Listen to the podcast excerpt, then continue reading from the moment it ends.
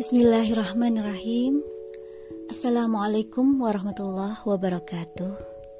Alhamdulillahirrabbilalamin Wabihi nasta'in Ala umuri dunia waddin Wassalatu wassalamu ala asrafil anbiya'i wal mursalin Wa ala alihi wa sahbihi ajma'in. Amma ba'du. Halo Bunda Cekatan. Keluarga manajemen emosi ya, regulasi emosi satu. Senang sekali saya Rahmatia Bakri dari Ibu Profesional Efriminia Rugu 22 Emak Lihai diberikan kesempatan diminta untuk berbagi tema belajar di Bunda Cekatan ini. Alhamdulillah, apa kabar semuanya? Semoga dalam keadaan sehat walafiat ya dan selalu bahagia. Amin. Sebelum saya berang menyampaikan tentang uh, tazkiyatun nafs, definisinya, pengertiannya dan prakteknya, saya mau bercerita dulu bahwa saya mengenal Tazkiyatun Nafs ini baru ketika tahun 2017 pada waktu itu setelah saya mengikuti workshop uh, Fitrah Bis Education di Depok UI di situ saya baru disadarkan bahwa selama ini saya kurang melakukan pembersihan penyucian jiwa, kurang merawat hati. Dan saya juga baru menyadari bahwa uh, tazkiyatun nafs itu sangat uh, krusial dalam mendidik fitrah anak-anak karena dengan tazkiyatun nafs kita merawat fitrah diri kita sendiri dan kemudian juga nanti uh, dengan tazkiyatun nafs yang kita lakukan itu akan tampak pada akhlak anak kita nantinya. Jadi akhlak anak-anak kita itu adalah cerminan dari tazkiyatun nafs orang tuanya. Demikian. Jadi mohon maaf jika misalnya masih ada banyak kekurangan dari apa yang saya sampaikan nanti. Jadi saya hanya sekedar menyampaikan apa yang sudah saya tahu, yang sudah saya pelajari dan sudah saya praktekkan. Ya, mungkin itu saja prolognya. Kita lanjutkan di voice note selanjutnya ya.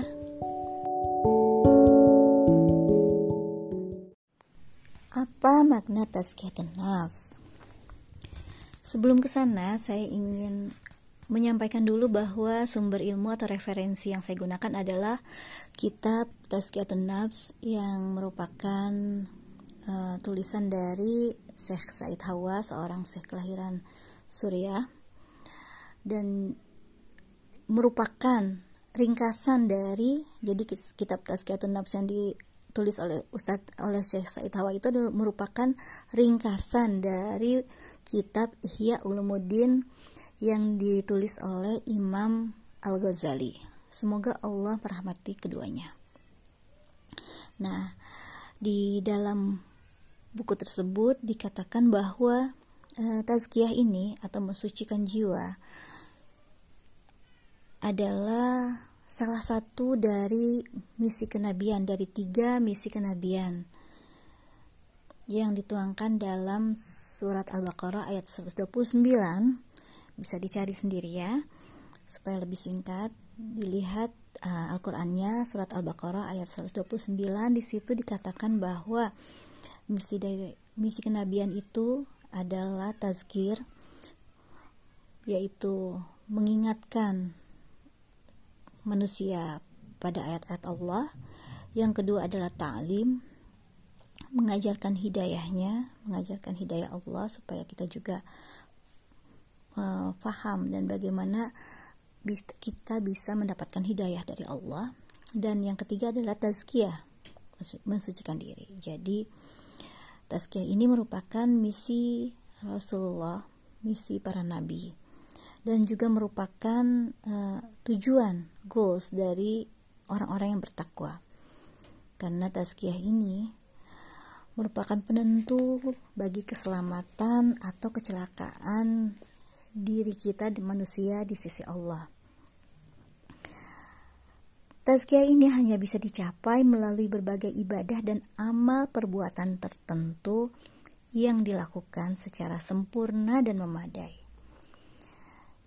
Jadi, secara etimologis, definisi tazkiyah itu adalah selain at-tathir atau penyucian, dia juga bermakna an-numu yaitu pertumbuhan. Jadi tazkiyatun nafs itu juga berarti menumbuhkan jiwa kita agar bisa tumbuh sehat dengan memiliki sifat-sifat yang baik dan terpuji. Jadi setelah dibersihkan lalu juga ditumbuhkan. Setelah dihilangkan di kotorannya, lalu juga dia ditumbuhkan. Jadi mensucikan jiwa sekaligus menumbuhkan dengan jiwa kita agar bisa tumbuh sehat dan memiliki sifat-sifat yang baik lagi terpuji. Kalau dalam kitab Tazkiyatun Nafs ini uh, dibagi menjadi tiga bagian tentang tazkiyatun nafs itu yaitu tatahur, penyucian jiwa dari segala penyakit dan cacat, atau pembersihan hati untuk menggelontorkan uh, berbagai kotoran. Lalu yang kedua adalah tahakuk, yaitu meningkatkan kualitas diri dengan merealisasikan berbagai makom dan yang ketiga adalah takhaluk takhaluk itu adalah menjadikan asma dan sifat Allah dan juga sebagian sifat e, Nabi sebagai akhlak sebagai akhlak kita. Nah, untuk e, mencapai tazkiyatun nafs ini dia memiliki e, sarana hakikat yang syar'i dan juga uh, ada dampaknya. Jadi untuk uh, ada sarana untuk mencapai tazkiyatun nafs. Apa saja sarana itu? Sarana tazkiyatun nafs itu ada banyak ya, ada banyak. Yang paling utama itu adalah sholat. Kemudian infak atau sedekah atau zakat yaitu dan lalu kemudian puasa haji zikir fikir tafakur tilawah Al-Quran tadabur merenung, ter, uh, renungan dan juga muhasabah dan zikrul maut.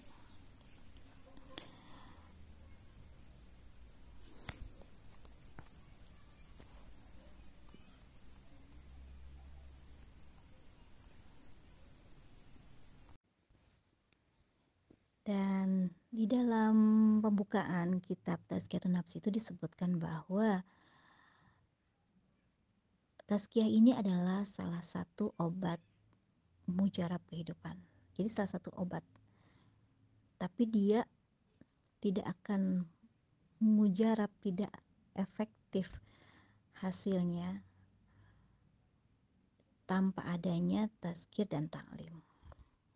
Jadi ketika uh, ada yang mampu, ada yang orang yang berilmu, tapi uh, tidak tidak mahir, tidak piawai dalam memberi nasihat.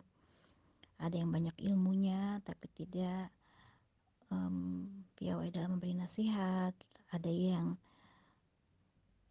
piawai dalam memberi nasihat, tapi kurang menguasai ilmu atau kurang ilmunya dan ada juga yang sudah berilmu mampu menyampaikan nasihat tapi tidak mampu melakukan tazkiyah. Ada tiga jenis yang seperti ini kan ini untuk bisa menjadi orang yang mampu melakukan tazkiyah taklim dan tazkiyah ini memang uh, sulit karena yang bisa karena itu adalah uh, tugas kenabian dan biasanya yang uh, yang disebut dengan pewaris nabi itu adalah yang mampu dengan utuh menjaga ketiga hal ini yaitu tazkiyah, taklim dan tazkiyah. Dan jika ketiganya sudah terkumpul, maka dia adalah obat mujarab bagi kehidupan. Setiap zaman punya penyakit dan masalah dan penyakit yang selalu ada di setiap zaman itu adalah penyakit dengki dan permusuhan. Selain itu juga ada beberapa penyakit yang muncul dari zaman ke zaman misalnya uh, Syiah, uh, terus itu Murji'ah, juga Khawarij itu juga salah satu uh, merupakan penyakit yang muncul dari zaman ke zaman. Lalu bagaimana dengan penyakit zaman yang sekarang? Penyakit zaman yang sekarang adalah ilmu khusyuk yang hampir hilang. Yang pertama dan yang kedua adalah wahan. Penyakit wahan yaitu cinta dunia dan takut mati. Ilmu khusyuk yang hampir hilang ini kita harus berhati-hati karena Rasulullah Shallallahu Alaihi Wasallam pernah bersabda, awalu ilmun yarfa'u minal ard al khusyuk jadi ilmu yang pertama kali akan diangkat dari bumi itu adalah kekhusyuan. Hadis riwayat Tabrani dan sanatnya Hasan. Dalam kitab Tazkiyatun Nafs ini yang paling pertama dibahas adalah adab murid dan guru. Jadi ternyata sangat penting sebelum kita mengambil ilmu adalah kita mempelajari adab dan tugas seorang murid. apa saja adab dan adab dan tugas murid? Yang pertama adalah mendahulukan kesucian jiwa daripada kejelekan akhlak dan keburukan sifat. Yang kedua, mengurangi keterikatan dengan kesibukan dunia.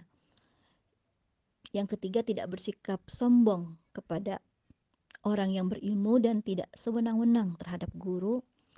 Bahkan dia harus menyerahkan seluruh urusannya kepada sang guru dan mematuhi nasihatnya seperti orang bodoh mematuhi dokter yang penuh kasih sayang dan mahir.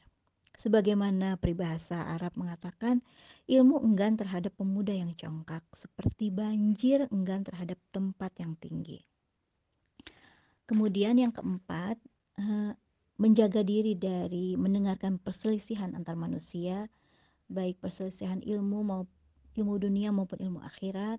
Kelima, tidak boleh meninggalkan suatu cabang ilmu terpuji kecuali telah dipertimbangkan matang-matang dan memperhatikan tujuan dan maksudnya.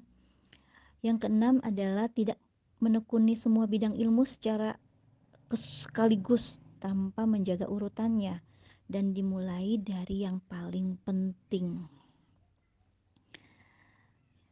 Yang ketujuh, tidak memasuki cabang ilmu sebelum menguasai cabang ilmu sebelumnya sesuai urutannya. Yang kedelapan, kenali faktor yang bisa menyebabkan ia bisa mengetahui ilmu yang paling mulia. Jadi cari ilmu yang paling mulia. Dan ilmu yang paling mulia itu adalah ma'rifatullah, mengenal Allah. Yang kesembilan, tujuan murid untuk mempercantik uh, batin dan menghiasi uh, menghias menghias di dunia dan di akhirat untuk mendekat, mendekatkan diri kepada Allah dan uh, mukarrabin. Jadi tujuan untuk mencari ilmunya adalah untuk mempercantik batin dan menghias batinnya di dunia dan di akhirat. Uh, di dunia maksudnya dan di akhirat itu untuk mendekatkan diri kepada Allah dan mukarrabin. Yang ke sepuluh uh, tahu kaitan ilmu dan tujuan. Nah, itu ya. Itu adalah adab dan tugas murid. Tadi sudah disebutkan ya uh, tentang sarana tazkiyah. Sarana tazkiyah itu yang paling utama adalah sholat.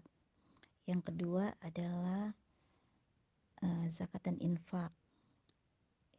Yang ketiga adalah puasa, keempat haji, yang kelima tilawah Al-Quran, yang keenam zikir, yang ketujuh itu tafakur, yang kedelapan mengingat kematian dan pendek angan-angan, yang kesembilan adalah muraqabah, muhasabah, mujahadah dan muaqabah.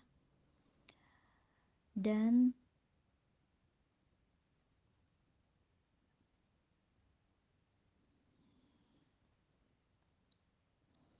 yang terakhir adalah amar ma'ruf, nahi munkar dan berjihad.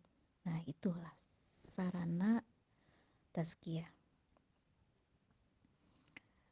dan yang paling dibahas di dalam kitab Tazkiyatun Nafs ini adalah sholat karena sholat itu adalah sarana terbesar untuk mencapai Tazkiyatun Nafs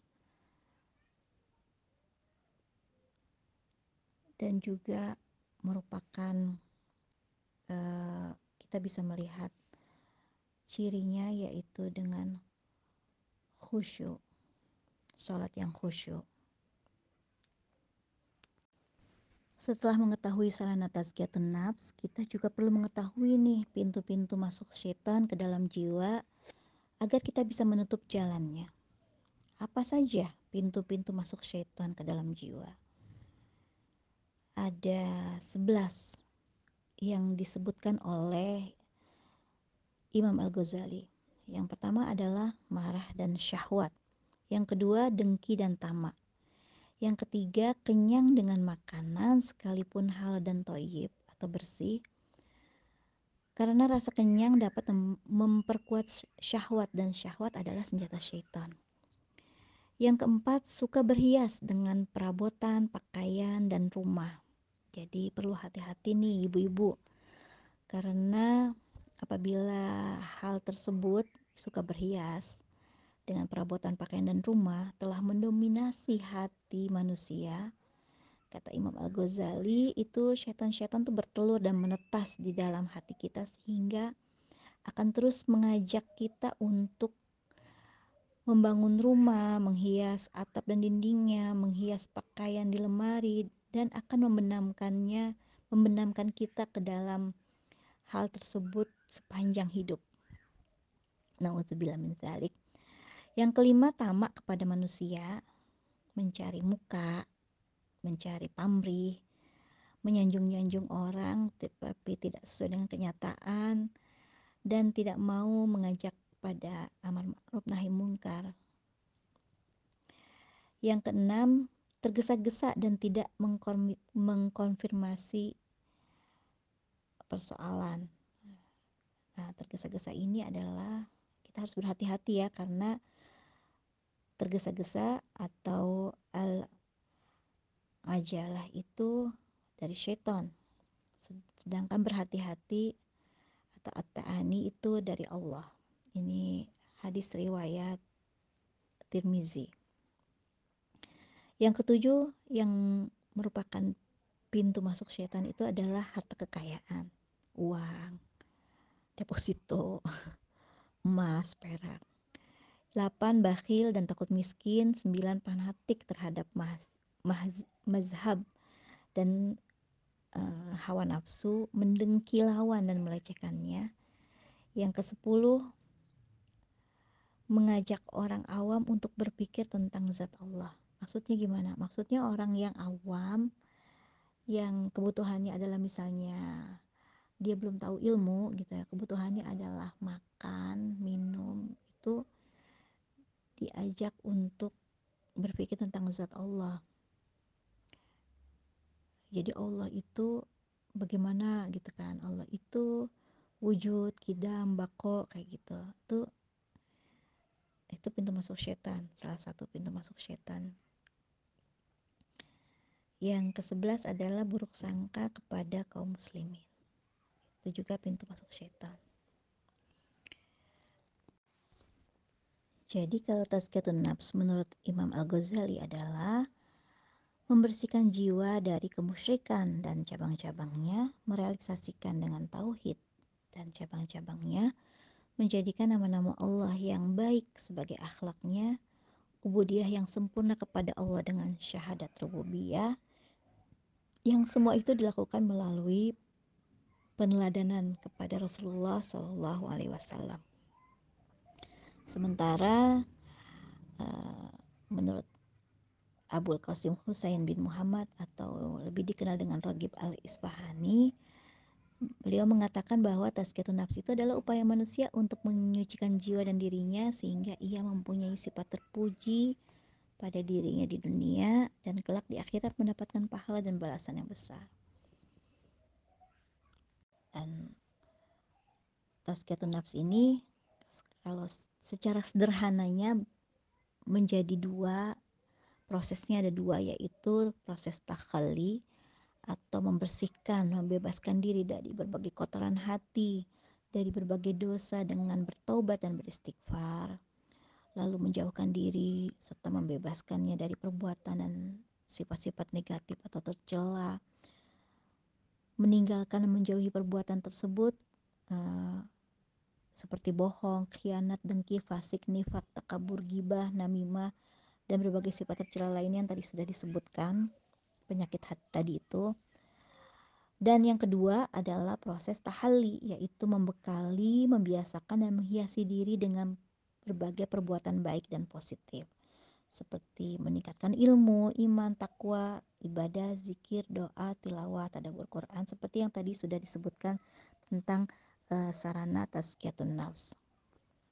Dan dalam uh, peta belajar saya itu saya tidak mengambil semuanya semua sarana tazkiyatun nafs saya hanya fokus pada beberapa saja. Karena yang paling utama itu sholat maka sholat menjadi masuk dan karena sholat itu adalah yang kewajiban utama seorang muslim jadi yang menjadi fokus uh, belajar saya adalah bagaimana sholat yang khusyuk dan uh, toharohnya yang bagus dan juga uh, tepat waktu. Itu yang pertama adalah yang saya ambil ya di peta belajar itu praktek tazkiyatun nafsnya itu adalah tentang sholat uh, zikir. Zikir ini sendiri saya batasi uh, karena zikir itu ada banyak. Bisa dengan istighfar bisa dengan salawat bisa dengan zikir zikir-zikir yang sudah mm, maksur ya uh, yang dicontohkan Rasulullah karena itu juga jadi saya mengambil uh, zikir itu adalah yang saya lakukan bisa saya lakukan setiap harinya adalah dengan membaca zikir pagi petang atau al-ma'surat itu. Uh, jadi goalnya adalah setelah belajar tazkiyatun nafs ini uh, saya membiasakan diri untuk setiap harinya membaca wazifah kubro pagi dan sore minimal sepekan sekali. Tapi untuk wazifah sugronya atau al surat yang uh, pendeknya itu dilakukan setiap hari pagi dan petang. Semampunya. Jadi uh, sebagusnya itu memang dibaca berurutan. Agak panjang tapi jika misalnya misalnya kita tidak mampu melakukannya jangan meninggalkan semuanya. Jadi jika kita tidak melakukan tidak mampu melakukan semuanya jangan meninggalkan semuanya. Jadi ambil saja yang paling mudah kita lakukan. Misalnya kalau misalnya nggak bisa baca al-ma'surat pagi sore nggak bisa baca zikir petang zikir pagi petang apalagi membaca wazifah kubro yang panjang pagi petang ya minimal uh, membaca istighfar 100 kali sehari. Seperti itu. Atau membaca la ilaha illallah 100 hari atau subhanallah 100 kali sehari. Nah, seperti itu. Dan dalam peta belajar saya juga sarana tazkiyatun nafs yang saya ambil adalah juga uh, tilawah Quran dan tadabur hadis. Dan kemudian uh, takhaluknya diambil dari akhlak. Akhlak mulianya itu saya berusaha untuk meneladani atau mengikuti mengikuti akhlaknya Allah berakhlak dengan akhlaknya Allah yaitu uh, pemaaf dan syukur dan juga mudah tersenyum. Seperti itu. Nanti bisa kalau penasaran seperti apa uh, nanti bisa di share peta belajarnya Insya Allah Nah, Bunda Cekatan keluarga manajemen emosi. Jadi memang tazkiyatun nafs ini bukan perkara yang mudah. Tapi juga bukan berarti tidak bisa kita realisasikan. Karena tazkiyah ini adalah karunia Allah sebagaimana yang Allah firmankan dalam Al-Quran surat An-Nur ayat 21 karena itu kita dianjurkan untuk melakukan apa yang dicontohkan oleh Rasulullah. Yaitu disebutkan bahwa uh, dalam tafsir Ibnu Kasir diceritakan dari Ibnu Abbas bahwa Rasulullah berdoa setiap membaca ayat Asyam ayat ketujuh wa nafsi wa masawaha demi jiwa serta penyempurnaannya. Doanya adalah sebagai berikut. Allahumma ati nafsi taqwaha wa zakkaha anta khairu man zakkaha anta waliyuha wa maulaha. Ya Allah berikanlah jiwaku ini ketakwaan, sucikanlah ia, engkaulah sebaik-baik yang mensucikannya, engkau penolongnya dan pemiliknya. Hadis riwayat Muslim. Doa tersebut mengajak kita untuk terus kepada berada di jalan yang benar. Kita bermohon kepada Allah supaya Allah senantiasa menjaga kesucian jiwa kita. Jika Rasulullah saja yang sudah maksum atau dijaga dari perbuatan dosa masih berdoa untuk kesucian jiwa beliau, tentu kita juga jangan enggan untuk uh, berdoa seperti beliau. Dan ini juga karena kita menginginkan fadilah dari tazkiyatun nafs yaitu qad aflaha man zakkaha. Sungguh beruntung orang yang mensucikan jiwanya semoga kita termasuk orang-orang yang beruntung ya bunda sekalian mungkin itu saja yang bisa saya sampaikan mohon maaf atas segala segala kurang dan hilaf. Jika ada yang bermanfaat, silakan diambil dan jika ada yang baik itu datangnya dari Allah semata. Jika ada kesalahan itu datangnya dari diri saya pribadi. Billahi taufiq wal hidayah. Assalamualaikum warahmatullahi wabarakatuh.